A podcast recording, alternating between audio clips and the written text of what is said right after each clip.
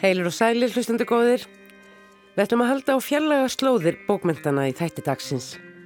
Við förum til Vietnam þar sem engin bókabúð fannst en nokkrar bækur og til Singapúr þar sem hvortvekja mótti finna bækur og bókabúðir. Sem sagt menningararfur frá Vietnam og politískur kremmi frá Singapúr.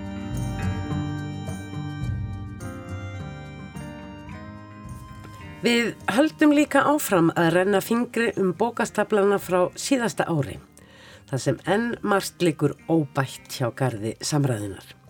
Þannig kom nýverð upp í hendurnar á mér ljóðabók sem á sínum tíma, snemma í vetur, hafði verkið aðtikli mína því kápan var svo falleg og fingerð og nafn bókarinnar svo sérstakt, stökkbreyði eftir hönnu Óladóttur.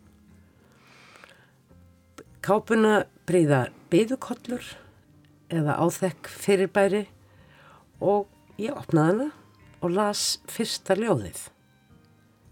Ljóðmóðir, ljóðmóðir góða, skáldalindin tæra, margræð, óræð, draumræð.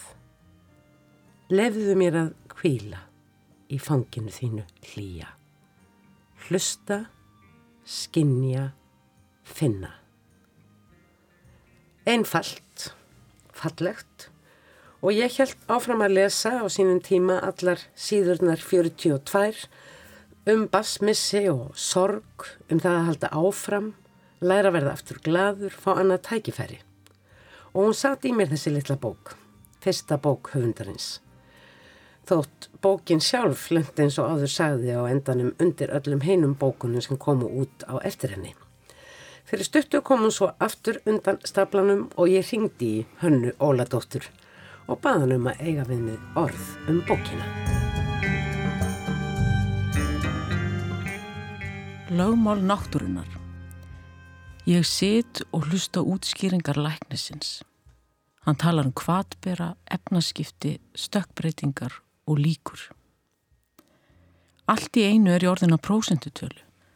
Skýringardæmi kennslubók um lögmál darfins. Ég sitt sem lömuð á meðan hver fruma, hver taug innræð með mér hrópar. Fóreldrar eiga ekki að lifa börnin sín. Nei, fóreldrar eiga ekki að lifa börnin sín. Hanna Óladóttir, velkomin í þáttinn. Takk fyrir að koma. Takk fyrir. Fyrirgeðu hvað þetta hefur dreyjist. Ja, þetta er bara gó, gó, gott upp á árunu að koma til þín. Þetta er bókum afar sorglegt og sárt efni að mestu. Hún fjallar ekki bara um þetta en hún fjallar, hún byrjar á þessu og þetta er svona svolítið kjarnin í bókinni, útgangspunkturinn. En eiga síður er þetta ekki sorgleg bók þannig? Ljóðið sem þú last þarna var einhvers konar svona vísendalegt innsikli á hræðilega og sko djúb tilfinningalegt áfall í lífi mannesku. Já, hérna, það er sem ég var náttúrulega að reyna því þetta er náttúrulega atbyrðir sem átti sér stað fyrir 20 árum hérna missi tvö börn og svo eldri freystinnan hefði nú orðið 22 ára í, í gær bara en, en það eru sem sagt liðin 20 ár síðan þetta gerðist.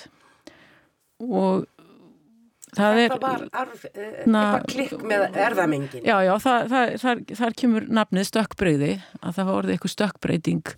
Líklega bara í mér að hérna þetta var, var mjög sjálfgefur efnaskipta sjúkdóm og svo sjálfgefur að það er ekki vitað. Upprunans og mér er segja hérna Freysteinn veikist mér að segja sko í Boston og var laður inn á Boston Children's Hospital þannig að ef eitthvað stæðir hefði átt að finna út hvað var á hann þá hefði verið þar sko. Mm. Og hvað var hann gammal? Hann var tvekkjára og hérna yngri bróður hans Þóruður hann var nú bara 20 uh, mánuðum yngri sko, hann var fjögra mánuða þegar, þegar bróður hans deyr og hann, það leiði bara eitt ár og þá fór hann mm. líka.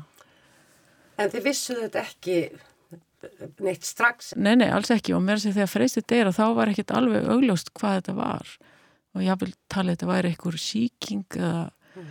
þannig að þegar, þegar hérna, yngri bróður hans deyra þá þá var þetta staðfest þetta hliti, þetta var algjörlega eins þeir bara fá eins og flensu og svo, og svo hérna bara á viku eru þeir bara dánir bara. Svo fjarar lífsandin út Já.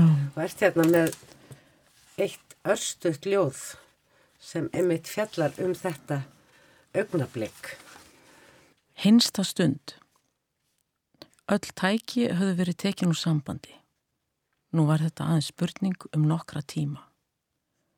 Þegar stundin kom, fór það ekki að milli mála. Hann var ekki lengur sofandi. Sálinn var farin, hann var farin. Hvað kom til að málfræði kennarinn fór að þetta löngu setna að vinna með þessum hætti úr já, þessu atviki. Ég veit að það, þú komst til sögu í annari bók á síðasta ári. Bók sem að heitir alveg rosalega löngu nafni um, Þegar kona brotnar og leiðin út í lífið á ný, Já, viðtalsbók við sigurvegara konur sem hafa brotlend í lífinu, kulnað eða klest á vegg en fundið leið til að taka flugið á ný og njóta sín í enga líf og starfi. Ég ætla nú kannski að koma inn á þá bók síðar en halda mér við eh, eh, eh, þennan hluta þessarar bókar að þú ferð að vinna úr þessum, þessum hætti. Hefur Já. alltaf verið að skrifa eða Nei, ekki svona texta. Það má eiginlega segja að, að hérna, að þú segir málfræðikennari, málfræðin hafið þarna áhrif sko. Ég nefnilega, ég skilaði af mér dóttorsritgerð í málfræði uh, seint árinu 2016 og þá kom alveg rosalega þörf hjá mér til að skrifa einhvern annan texta. Og svo varði ég nú ritgerðina og, og þá bara einhvern veginn fann ég að ég hef bara verið að halda í mér þannig til ég væri búið með ritgerðina og bara ég segi, segi kannski ekki hafi brotnað ég lýsi stundum eins og mér og allt einu eins og ég væri að ganga í svona drullu það var einhvern veginn allt svo eitthvað erfitt. Þannig að ég fer í veikindarleifi þannig frá störfum kenni nú málfræði þannig við mentavistasvið Háskóla Íslands og, og það vill þannig til að ég fer á rítunanámskeið hjá henni Björgu Átnadóttur í stíl, hérna, stílvopna heitir það, já. Og þar einhvern veginn bara kynnist í indislegum konum og fæ svona eitthvað sjálfströst í þessum efnum, sko, að skrifa eitthvað annað heldur en fræðiteksta. Og það var bara því líka laust. Og það, ég held að það sé nú ástæðan fyrir ég lendi í þessari bók með langa titlinum að því að ég vann úr þessu svolítið öðruvísi heldur en flestir aðrir að, að gegnum, gegnum ljóðagerð. Er kannski ekki alveg alveg hefðbundi? Nei, en samt það hafa verið, hafa, já, já, ég meina það hafa verið, um, það hafa nú verið mælt með því að maður skrifi um erfiða lífsenslu, oft tala um að skrifa sér frá henni, ég er nú ekki alveg á því að, að það sé kannski endilega málið heldur, um, mér fannst einhvern veginn því að ég var að skrifa um þessar tilfinningar og mörg af þessum ljóðum eru náttúrulega um löngu liðina atburði en það er eins og þau hafi verið þarna alltaf með mér, bara átt eftir að koma út, sko. Manst eftir því að þú hafur ákveðið að þú vildir skrifa um drengina þína og þetta mikla áfall sem að hlaut að vera þarna einhver staðar og kannski hefði ekki fengið nægilega úr vinslu. Uh, nei, það var ekki að fyrsta sem ég fór að skrifa. Ég fór bara að skrifa eitthvað ljóð um veðrið. Ekki að fyrsta sem Íslandingar fara að skrifa um. Ég fór að skrifa ljóð, þakklætisljóð. Þannig að í rauninni fyrstu ljóðin eh, sem er í ljóðabókinni sem ég skrifaði eru ljóðin um fæðingarnar. Af því að mér fannst sko, ég þurfti að þakka, ég sæ ekki eftir að hafa eignast þessi börn þó þau dæju snemma frá mér. Ég var svo þakklátt fyrir að hafa gengið gegnum það að fæða að börn. Og það var ótrúlega léttir að, að þannig alltaf að tala um svona í sálfræði meðferð að maður eiga að þakka og þess vegna finnst mér ljóðlistin skiptur svo miklu máli vegna svona setur þakkirnar í svo fallegan búning Mm. og setur þær sko og líka sorgina og bara tilfinningar á eitthvað herra plan. Setur það líka í orð. Setur þau í orð. Svo erfitt með að finna orðin fyrir þakklætið. Takk, þakka því fyrir. Algjörlega. Svo bara knúsum við eða eitthvað. En þarna fáum við svo mikla tækifæri til svo mikillar hugsunar og, og formunar. Einmitt, og líka gefa sér svolítið tíma í þakklætið. Því það að skrifa takk fyrir að hafa fætt tvö börn, það tekur ekki langan tíma en ef maður fer að, að hérna, svona ytta þetta og velta fyrir sig hverju orði þá, þá það líka á dvelumar í þakklætinu sem er svo gott. Mm. og núna því ég lesi þetta þá, þá rifjast þetta þakklæti upp. Þannig að þessi bók eh, hérna, ég er ekki beint að skrifa mig frá þessu heldur skrifa þetta fyrir mig bara Þú talaður áðan um uh, að þér hefði verið í mun að gera að losa þessa sorg út úr hennu hrein personlega án þess að skilja þig frá henni en gera hana að einhverju sammannlegu því þetta, við skiljum þetta öll. Já. sérstaklega kann, kannski allar. Ég hef samt, það hefur hérna, veit mér mjög mikla hérna, ánægi að heyra líka að það er líka kallmenn sem að tengja við bókina þó vissulega séu meirum að konur lesana og breyðist við henni. En já það er einhver lausn í því þegar maður gengur í gegnum svona mikla remmingar að, að missa börn að maður er ekki einn í því mm. og að tengja sér við þetta sammannlega það er lausn í því. Og ég tengdi eins og það er eitt ljóð þannig bókinni um ömmu mína sem ég heiti höfuð á. Og við við hérna, um augnablík sem, a, sem a, hérna, við áttum saman bara stuttu áður en hún, hún dó eigum svona ímislegt meira sameilagt heldur en að heldur en nafnið að við mistum báðar tvo drengi Ljóðabókin Stökkbriði skiptist í tvo hluta fyrir hlutin fjallar um drengina, um börnin mörg og smá lífs og liðin og hún endar á mjög svona fallegum nótum samskipta. Ég er að tala um ljóðið froststilla. Já. Viltu lesa það? Já, hérna, það ljóð einhvern veginn kom til mín sem hluta öðru ljóði sem aldrei rataði þessu í bókina heldur bara þetta loka ljóð skrítið. Mér finnst svolítið eins og, og litlu strákunni mínir hafi bara samiða sjálfur og vilja komast þarna inn mm. í bókina. Froststilla Tveir englar í snjónum sem haldast í hendur. Ég brosi til þeirra og þeir veifa til mín. Ég veifa á móti. Setnir hluti þessara bókar, þeir heita bara 1 og 2. Já. Hann hefst á óskalisti, ljóðinu óskalisti, kærleikur, bjart síni, haugrekki, yfirvegun, sátt. Þetta sem maður einlega oskar öllum og sjálfum sér ekki síst. Já, já. Þetta er svona eins og það sem stefnir að því að síðan kemur langur kapli um það sem þú orðaði svo litið öðruvísi hér í upphafi samtalsokkar. Það var eins og ég var að gangi í drullu. Já, já, akkurat hérna, ég veit ekki sko, gerðist margt á einu í lífið mínu, það var náttúrulega þarna, ég kláraði þessa rítgerð eftir nokkuð nokku barning og fór ekki einu breyting að skeiða á sama tíma. Þannig að það einhvern veginn fór einhvern veginn að hugsa um hluti og annan hátt. En ég held líka bara eins og ég segið eitthvað, eitthvað, eitthvað tíman að þegar ég losnaði einhvern veginn úr þessari spennitreyju fræðilegar hugsunar og þá leiði ég mér einhvern veginn að, að hugsa eitthvað annað.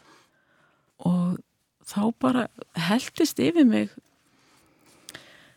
Já, bara hugsanir já, og myndir af ástandinu. Já, og svona Já, emitt ég fór bara að, að setja þetta í orð þessa líðan til þess að, að hérna, ég held líka að það að setja líðan og tilfinningar í orð það líka, maður er svolítið að það meiri virðing sem að maður sínir tilfinningum sínum og líðan.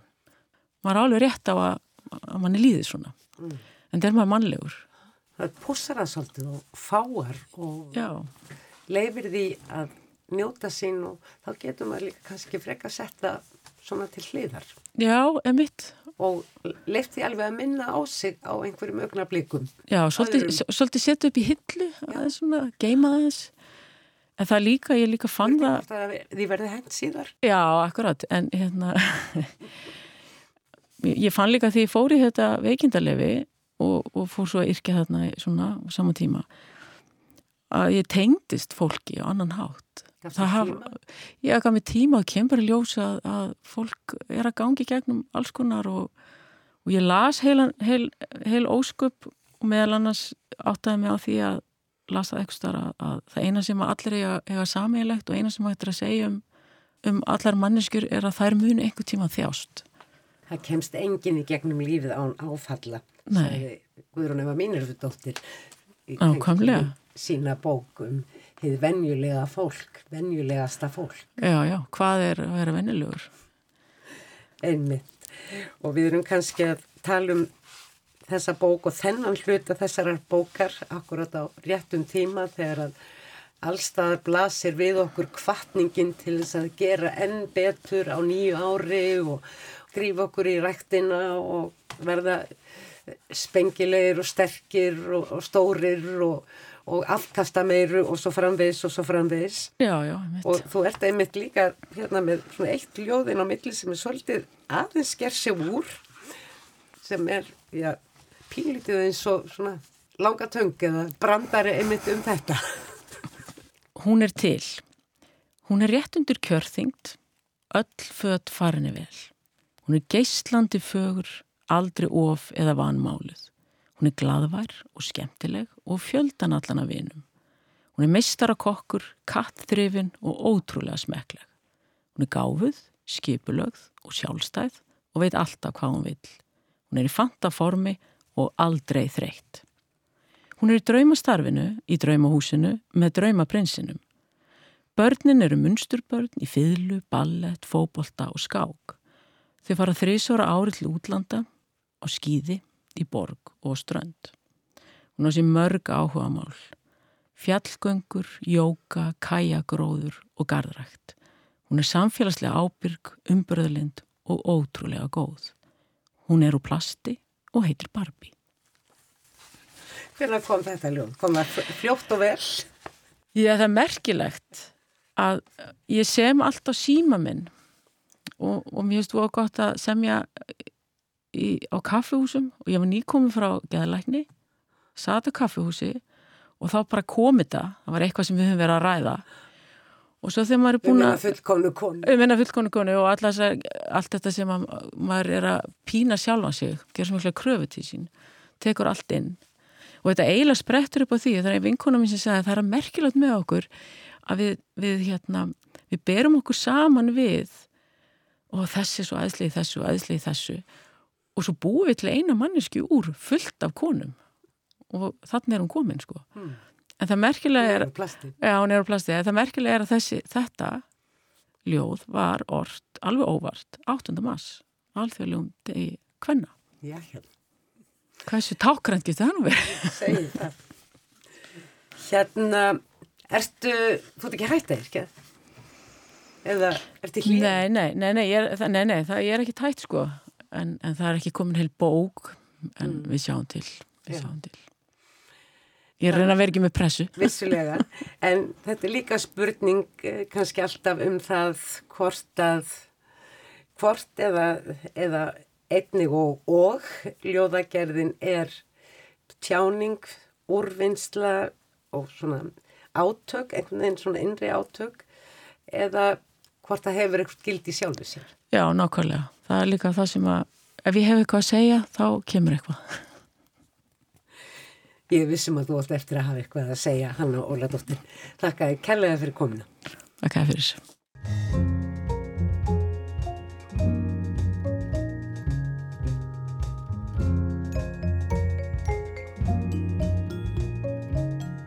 Singapúr er sérkennlegu staður og ég átti þar leið um ekki alls fyrir löngu. Ég var að koma frá Vietnam þar sem ég hafði dvalist í um það byrjum tvær vikur og drukkið í mig sögu, menningu og götulíf þessa langa lands austast í Indokína.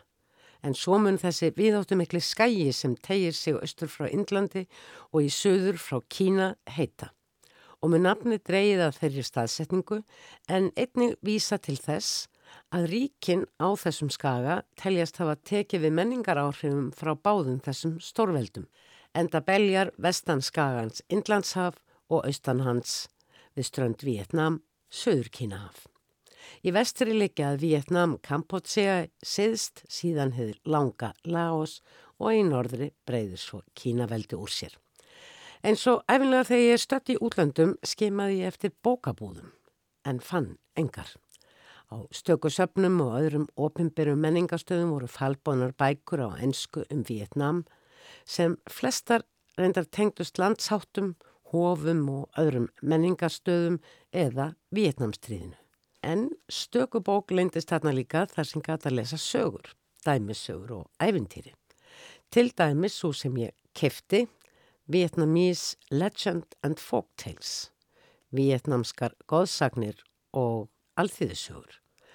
Og þar má til að mynda finna eftirfarandi sögu um sköpun heimsins. Himnasúlu Guðin Fyrir langa löngu, áður en menn og dýr urðu til, var heimurinn ein ringulreið, myrkur og kaldur. Skindilega byrtist risavaksinn Guð og voru fótspor hans svo stór að þau náðu frá einu héræði til hins næsta eða frá fjálstindi til fjálstindar. Guðin lifði í þessari myrku ringulreið lengi lengi. Dag einna reys hann skindilega á fætur og lifti himninum hátt upp með höfði sínu. Hann gróf upp hauga af grjóti og drullu og mótaði úr því súlur til að halda upp í himninum. Eftir því sem súlunar eruðu herri, tók heiminin æg meir að minna á moskitónett sem stöðugt verður meira um sig.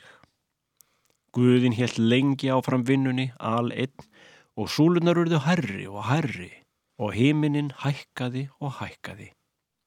Eftir nokkur tíma höfðu heimin og jörð verið aðskilinn. Jörðin var flöt og slett og heiminin kvóldist yfir líkt og lok yfir skála frískrónum og skínandi rýmið þarna á milli varð sjóndeldarhingurinn. Þegar heiminin hafði skorðast í stöðu sinni, tók Guðin skindilega og á nokkurur ástæðu að brjóta niður súlunar. Hann kastaði steinunum og drullunni til allara átta. Hver grjótnullungur var það fjalli eða eigu og drullan að hæðum og hásléttum. Sú er ástæðan fyrir því að landið gnæfir hátt á sumum stöðum en likur lágt á öðrum en er þó aldrei alveg flatt. Á þeim stöðum sem grjótinu og drullunu hafi verið mókað upp, urðu til úthöf. Ekki er vitað hvort Guðin dó eða hvort hann sneri til konús heiminsins sem samþykti aðgerðir hans á himnu og jörðu. Þegar Súluguðin eins og hann síðar var kallaður, hafði yfirgefið jörðina, komu aðrir guðir, bæði af jörðu og himni og heldur starfi hans áfram. Einn guðana kvikti á stjörnunum, annar gróf fyrir ám og fljótum, einn skapaði öldur sjávar, annar sand og möl, enn einn plantaði trjám og svo framvegis, eins og fólk syngur um í ljóði sem hljómar svo. Fyrsti guðin fariði okkur sand, annar skapaði öldurnar, sá þriðji stjörnurnar, sá fjóruði gróf fyrir fljótum, sá fymti plantaði trjám, sá sjötti ræktaði skógana, sá sjöndi lifti upp himninum. Mart kunnulegt í þessari sögu sem vantanlega telst í kjarnasínum til frumsagna mannkins sem í árdaga reynda að gera sér grein fyrir umhverfu sínum. Síðan þurftu þetta manneskjur sem eiga sér nokkrar upprunna sögur í góðsagnaarfi Vietnam.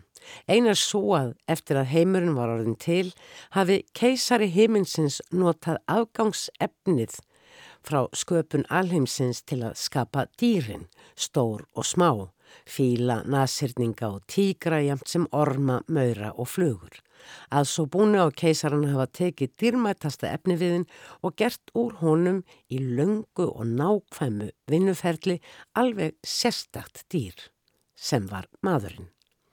Enda er hann greindari og vitrari en önnur dýr eins og segir í sögunni.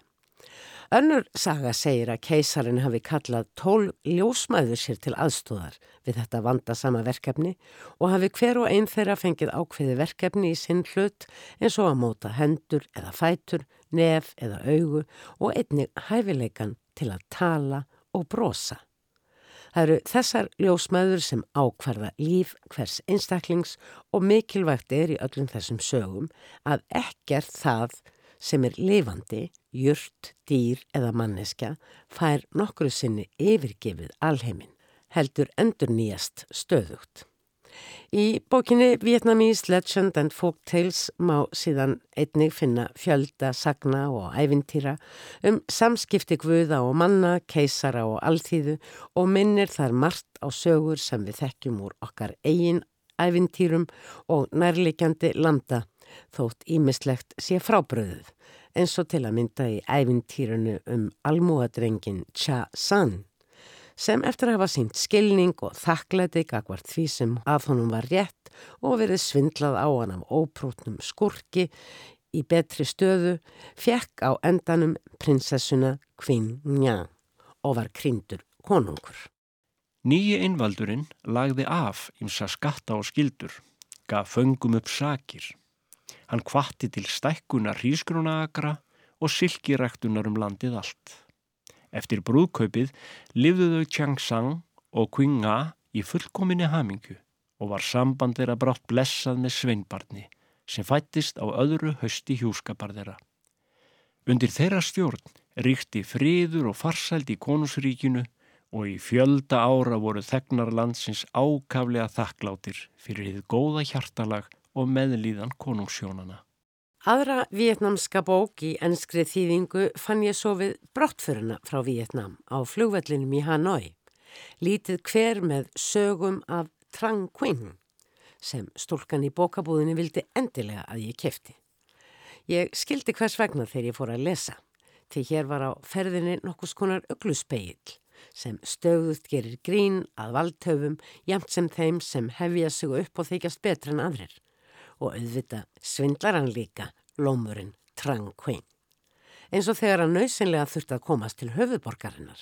Einu sinni sem oftar var Trang Quinn alveg auralaus en þurfti nöysinlega að komast til höfuborgarinnar. Veður var vætusamt og um langan veg að fara. Þegar hann hafði gengið í þrjá heila daga kom hann í þorp nokkurt.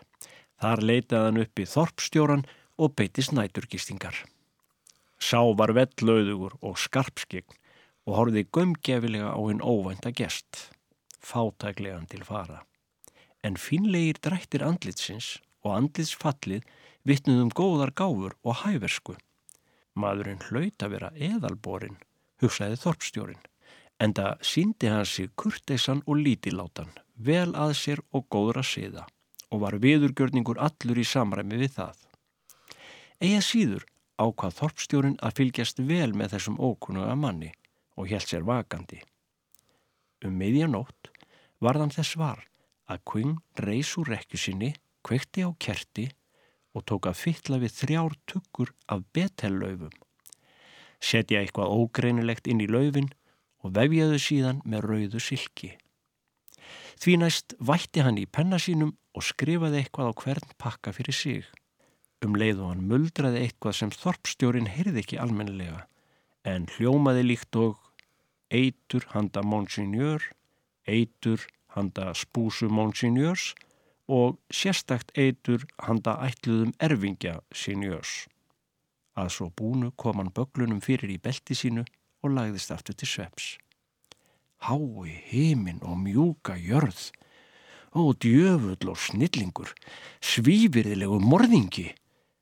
Þorpstjórin þeisti strax af stað á hesti sínum til að koma varnaðar orðum til yfirmannsins og eldsnemma næsta morgun kom flokkur hermana með skínandi sverð og lensur, tóku kving, bundan höndum og fótum, sett hann á vagn sem fjórum hrossum hafi verið beitt fyrir og hendust í loftkostu meðan til höfuborgarinnar. Þar var honum gert að svara fyrir áform sín fyrir rétti og sína það sem betil laufin í belti hans höfðu að geima. Í ljós kom að í hverju þeirra leindist lítil handfylli af þurrum sóðnum hrískrónum. Æru verðu ég doktor, ekki gerir þér yður þennan ömkunar verða kostað góðu. Sínjör, vissulega ömkunar verður kostur í samanburði við yðar konunglega kost, annað í augum okkar almúans sem lifum á hrískrónum. Hvert hrískrón er okkur yfirmáta dýrmætt enda kolluð himneskir eðarsteinar, fæða af himnunum gerð, svaraði Quinn, sapnaði grjónunum upp af gólfinu, stakk þeim upp í sig og átt. Lénsherran brástuði þetta reyður við og bendist reyði hans að þorpstjóranum sem hann umsvega laustlétt höggin dinja á þar til Quinn grát baðan hlæjandi um að hætta og opna fremur hjarta sitt gagvart hinnum virðingarverða þorpstjóra sem hefði syngt sig honum svo trúr og hodlur.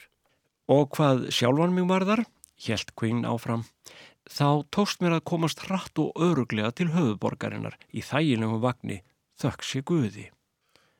Ániðar kaps fulla þjóns hefði ég ekki átt þess kost að njóta áhyrnar í þar göfgi og aukin heldur hefði ég reynlega dáið úr hungri og örmögnun á leiðinni án þess að nokkur vissi. Lénsherran andvappaði djúft. Farðu og þóðu þér. Trang Quinn er greinilega mikil þjóðar gersemi í Vietnám og til eru um hann allskynns bækur ekki síst teknimundasögur ef markam á internetið. Auk þess sem á síðasta ári var frum sinn kvikmynd um hann í fullri lengt og hekið að svo sé líklega ekki svo fyrsta. Það kom mér ekki beinleginn svo óvart að komast á snóður um þennan hluta sagnaarfs Vietnama því þótt kynni af heimamönnum verði aldrei sérdelis náinn í skipulaðri ferð líkt og þeirri sem ég fór til Vietnam. Þá voru samskipti nægilega mikil til að komast á raunum að Vietnamar eru humoristar og stríðnir með endemum. En allt í góði.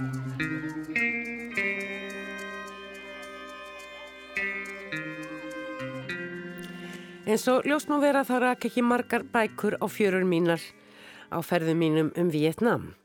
Hitt má svo einnig ljóst vera að Vietnamar eiga sér ríkan sagnaarf og menjar um reytaðar bókmentir má rekja allt aftur til tíundaldar. Þegar virðulegi nafngrendir höfundar reytuðu lógfæði um þáverandi valdhafa. Þá mun hluti bókmentaarfs þeirra Vietnama tengjast leiksýningum og sagnadönsum. Á 20. öld muni Vietnam áhrifum vestrætna bókmynda hafa tekið að gæta, engum í ljóðlist þar sem kymverskum áhrifum með sín sterku form var afneitað og skáltókað yrkja óbundið að vestrænum móternískum hætti enda landið frönsk nýlenda. Fátt hefur mér tekist að grafa uppvarðandi vietnamskar nútíma bókmyndir utan öruglega eina sögu endurskinn að vori eins og hún heitir og byrtist í þriðja bindi hinnar frábæri reytraðar smásögur heimsins og er þetta bindið um Asíu og Eiaolfu. Þessi vietnamska smásaga um mann á meðjum aldri sem skindilega í amstri kvestagsins er myndir á ást sem líklega einu sinni var án þess að hann, svo ungu sem hann var þá, gerði sér grein fyrir að væri ást. Hún var að minnstakosti aldrei tjáð sem skildi. Ást sem hefur þó lifað í hugskoti eða hjarta ungs manns sem síðar varð fullorðin og gekk eftir langt háskólanám í þjónustu ríkisins þar sem hann með góðum árangri fylgdi eftir metnaði sínum, kventist og eignaðist síðan tvær dætur. Og, en, nei, ekki var þann hamingi samur. Því það kom að þessi gamla ást braust fram, ekki aðeins ást á stúlku sem nú vendanlega var líka orðin eldri, heldur einnig ást á landi og hverstaslegum verkum og aðtöfnum. Mikil saga í stuttumáli sem hér er eindreið mælt með sem á öðrum sögum í þessu ágæta hefti. Smásagna heimsins um Asíu og Eiaálfu. Höfundu sögunar endur skinn að vori heitir Duong Tu Huong. Hún er orðin 73 ára gömul og mann tímana tvenna. Hún tók þátt í Vietnamstríðinu og eftir stríðið tók hún líka virkan þátt í uppbyggingunni og var auðvitað félagi í kommunistafloknum. Hún sendi frá sér sína fyrstu skáldsögu árið 1987. Handan Tálsínarinnar heitir hún eða í enskri þýðingu Beyond Illusions. Bókinu var vel tekið af almennum lesendum. Fóristum en kommunistaflokksins voru hins vegar ekki eins ánaðir og reyndu að hafa áhrif á Duong með gillibóðum um laun og húsnaði sem hún þáði ekki. Ári síðar kom næsta saga hennar út, Paradís hinna blindu, eða á ennsku Paradise of the Blind, sem var bönnuð og eftir ræðu sem Duong held á þingi vietnamskra reithöfunda árið 1988 þar sem hún talaði meðal annars um þakkarskuld flokksins við alþýðuna í Vietnam var hún rekin og flokknum. Á tíund áratöknum áttu Duong erfitt uppdráttar, fekk ekkert að gera en það flest störf sem hennar hæfileikar gáttu noti sín á vegum flokksins. Hún sætti ferðabanni þrátt fyrir að bækur hennar höfðu vakið aðtikli víða um heim og komið þar út í þýðingum. Árið 1994 tókst Daniel Mitterrand, þáverandi fórsetta frú Fraklands, að bjóða henni til Fraklands þar sem henni var óbóðið póltist hæli en hún afþakkaði það. Duong hefur sendt frá sér margar bækur sem allar eru nú bannaðar í heimalandi hennar en hún var á sínum fyrstu árum meðal vinsalistu höfunda Vietnam. Hún hefur búið í París nú frá árinu 2006 og eftir því sem næst verður komist kom síðasta bók hennar út árið 2009 og heitir svo Kvirvilpunktur eða á ennsku Senit. Á ýmsum listum yfir útgefnar bækur núlefandi vietnamskra höfunda á netinu eru bækur Duong nefndar sem á bækur ímessa annara höfunda og er áhuga sumum hlustandum bent á að leita fyrir sér þar.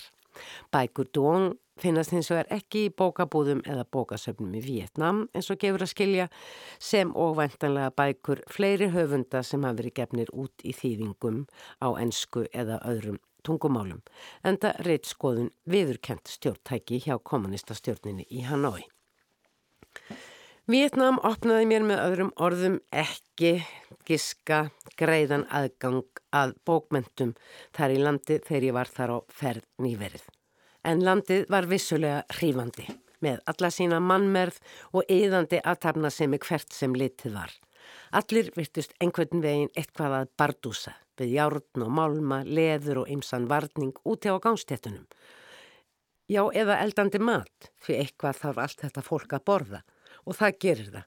Staldrar þá við, sest á lága stóla við lág borð mitt í yðandi kösgangandi vegfæranda.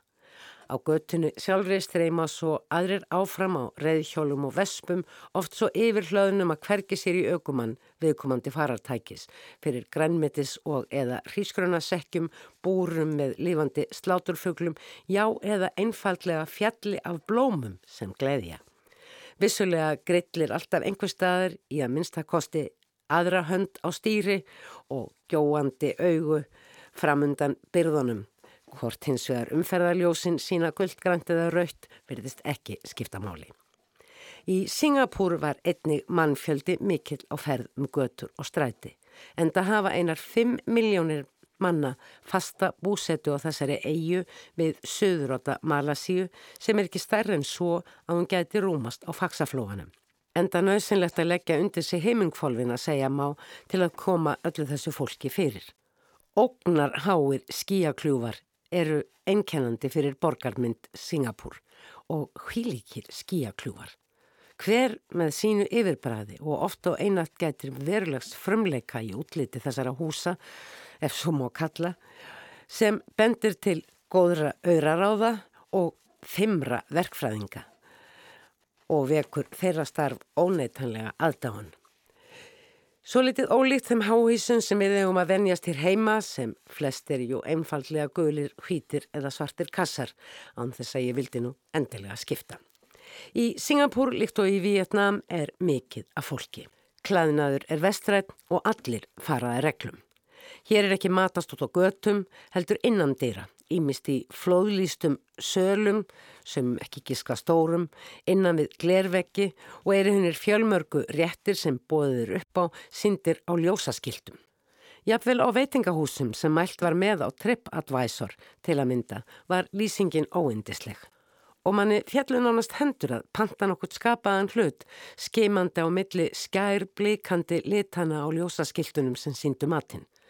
Síðar áttum við ferðarfélagarnir reyndar eftir að sjá og upplifa gigantískar matarhallir Singapúr innan dýra í háhísum nærri ströndinni þar sem allt var eilítið fáara en á útjæðri litla indlands þar sem hótelið okkar var. Matarhallirnar fannst okkur þó lítið meira aðlandi. Það var ekki löst við að við söknuðum háaðans og ringulreðarinnar í Vietnam í regluverkinu sem allt verðist ganga eftir í Singapúr og þegar ég komst loks á skrið með fyrstu skáldsöguna sem ég les eftir höfund frá Singapúr er það nostalgía rannsóknarlauruglumannsins í glæpasögunni sem ég helst tengi við. Lauruglumadurinn er þá reyndar statur í Hong Kong og hefur ratað þar inn í líflegt hverfi eftir misætnað samtal við hjákonu Hátsetts embættismanns í Singapúr sem er látin og grunnsemdir hafa vaknað um að dauða hans hafi ekki borið að með eðlilegum hætti. Heyrum hvað rannsóknarlaurglumannum finnst um Hong Kong og hvernig hann ber þá borg saman við Singapúr. Á hverju götuhorni hefur verið hróplað upp stöndum þar sem allt flóir yfir af tísku og kæftasögublöðum sem og fréttablöðum frá öllum heimshornum. Úr leifistlöðsum vögnum eru seldar fiskibólur og innmatur í rjúkandi kryttuðum súpum. Hér má fá eftirlíkingar af hönnunafötum, bóli og gallabugsur og spottprís, belti úr góðu leðri úr verksmiðjum sem farnar er á hausin og sjóraningasnældur með kantonískri poptónlist. Sölumenn rópa hver í kapp við annan. Kaupið eina fáið tvær ókeppis, bruna útsala. Ágangurinn er svo mikill að rannsóknarlauruglumadurinn endar á að losa sig við fjóra Hong Kong dollara fyrir töpur af sokkum. Baðaður í göttuljósunum kemur yfir hann fortíðar þrá eftir Singapúr fyrir 20 árum. Þegar hann og fröken Ló sem hann var nýbúin að yfirheyra hefðu bæði staðið í upphafi lífsins. Nú var löngu búið að koma göttusölunum í Singapúr undan, pakka þeim inn í loftkeldar vestlunarmiðstöðar og þar til gerðar matarhallir í opemberum byggingum. Já, í Singapúr tóst mér sem sagt að finna bókabúð, meira að segja þrjár bókabúðir sem seldu bækur á ennsku. Ekki skrítið, singanska eða singalís er eitt af fjórum ofnbjörnum tungumálum í Singapúr. Hinn eru malæska, kynverska og tamil en bæði síðarendu tungumálin eru myndritið eins og kunnugt er. Þannig eru öll skildi og upplýsingar á fjórum tungumálum rituð með þremur leturgerðum. Bókabúðurna kynntu sér mér strax í flugi í Singapore Airlines í bæklingi sem ég stakka á mig. Búðirnar voru sagðar indi bókabúðir. Því uglust má finna í reysamálum eða vestlunarmiðstöðum í Singapúr deldarskika þar sem vinsælustu bækurnar eru seldar. Á þeim rúmu tveimur sólarhingum sem ég dvaldi í Singapúr hafði ég aðeins tíma til að heimsækja eina af þessum búðum. Það hefði þó verið gaman að koma við í bókabúðinu The Moon eða Tunglið sem reyndar er eina bókabúðina þessum þremur sem ekki líka gefur út bækur líkt og bókafélagið hér á landi sem ber sama nafn. Forlægið Epigram sem verðist hafa ítök víða í sjálfstæðri útgáðustar sem í Singapúr rekkur einni bókabúð og kaffihús sem nú orði virðast orðin óskiljanlegu þáttur í bóksölu. Epigram er nokkuð stór útgefandi sem á næsta ári mun hafa starfað í tíu ár og gaf á síðasta ári út 300 verka á öllum fjórum ofnbjörnum tungumálum Singapúr eftir því sem næstu verði komist. Forlægið veitir verlun fyrir óutgefin handrit og nefnur vinningsupphæðin hvorki meira enn í minna en ríflega tveimur miljónum íslenskra króna auk útgáfusamnings. Fjögur handri til viðbótar geta átt vona viðurkenningu sem einnig feilur í sér útgáfusamning pluss rúmlega holva miljón íslenskra króna. Höfundur döða ráðanitistjórans fekk emitt slíka viðurkenningu árið 2016. Rétt kannski að geta þess að hvergi mun dýrar að búa en emitt í Singapúr en að móti kemur að all almenn þjónusta mun þar engar góð. Að tunuleysi nánast ekki neitt, lífslíkur með þeim hæstu og ungbarnadauði hverlegstur.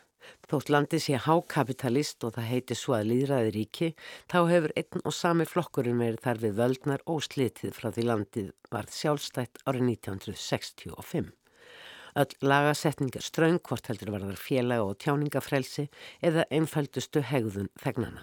Frækt er að í Singapúr megi búast við sektum flegi með rustli á götu, reiki eða tiki tikigúmi á almanna færi. Þá er bannað með lögum að gefa köttum og götum út til að geta. Samkynniður auðvitað líka bannuð, jafnvel í engalífi. Á móti afaströngum reglum um hegðun og hotlustöka hvart ríkisvaldinu telur þetta ríkisvald sig sjá vel fyrir þegnum sínum og ekki sáum við ferðarfélagarnir annað en allt gengi með friðu og spekt, hvað sem það er rétt eða ekki. Ferðamannaströmmurinn er gigantískur. 12 miljónir manns heimsækja Singapúr árlega enda þar margt að skoða.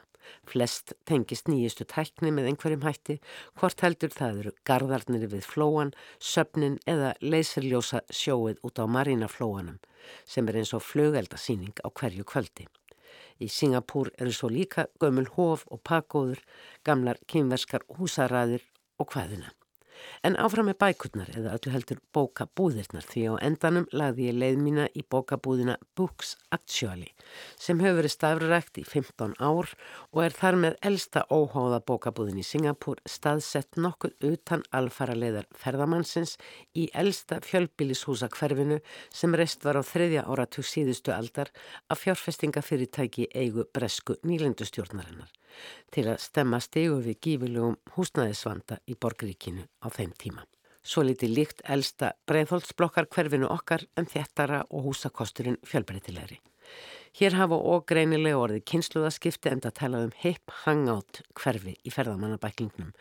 Þar sem einnig sagði að bóks aktjóli leggja áherslu að kynna bókmyndir skrifaðar í Singapúr eða af höfundum sem fangað eigi rætur að rekja.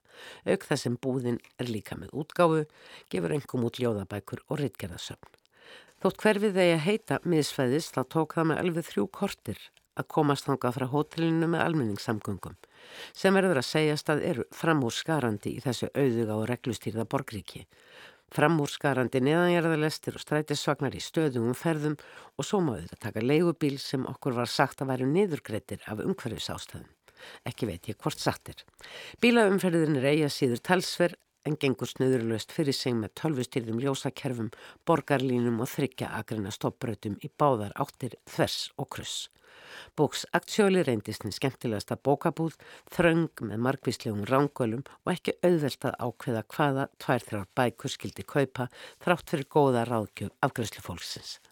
Á endanum var glæpassaga, ljóðabók og örsagnasafn fyrir valinu, bækur hver annari ólíkar að útliti en áhugaverðar að sagt var. Og eina þeirra hef ég nú lesið. Glæpasöguna, sem er í raun pólitískur trillir og meðaði sögu Singapúr sem skal viðurkenta ég þekki aðeins í grófun dráttum þá eru jafnvel fyrir mín augu augljósa hliðstæður í skáldsögunni Dauði ráðunitistjórnans og henni almenni sögu borgríkisins Singapúr sem stuttar um fjallanir á bloggsíðum netsins og staðfesta. Cho Tse Tek hefur verið ráðunitistjóru og húsnaðismála frá því fyrsta ríkistjórn Singapúr komst á lakirnar árið 1965. Nú um það byrj 40 árum síðar finnst hann látin á heimili sínu og dánaróssökin er ofurskamtur af ymsum livjum. Þar á meðal morfíni í bland við áfengi. Hvernig komst hann yfir þessi liv? Það þarf þó kannski ekki að vekja fyrðu að hinn samvisku sami dugnaðar forkur og ráðunitistjóri sem liklega er komin á sjötjúsaldur hafi mist list á lífinu því upp hefur komist að hann hafiði svo áratugum skiptir dreyðað sér fjö með mútum byggingaverktaka og annara sem vildi komast að henni miklu köku sem stórfældar byggingaframkvæmdur á vegum ríkisins hafði verið og eru enn. Önnur ástæða uppgjafar hans kakvart lífinu gæti líka verið börnin hans fjögur. Þeim Hung, Mung, Yang og Ling hefur sannlega ekki farnast vel í lífinu. Þau eldri gerði eins og pappi sagði og eru bæði óhemmingu samlega föst í klefurinn til frama og fjármaks að ráði og stjórn föðurins sem hann líklega hefur kallað handleyslu.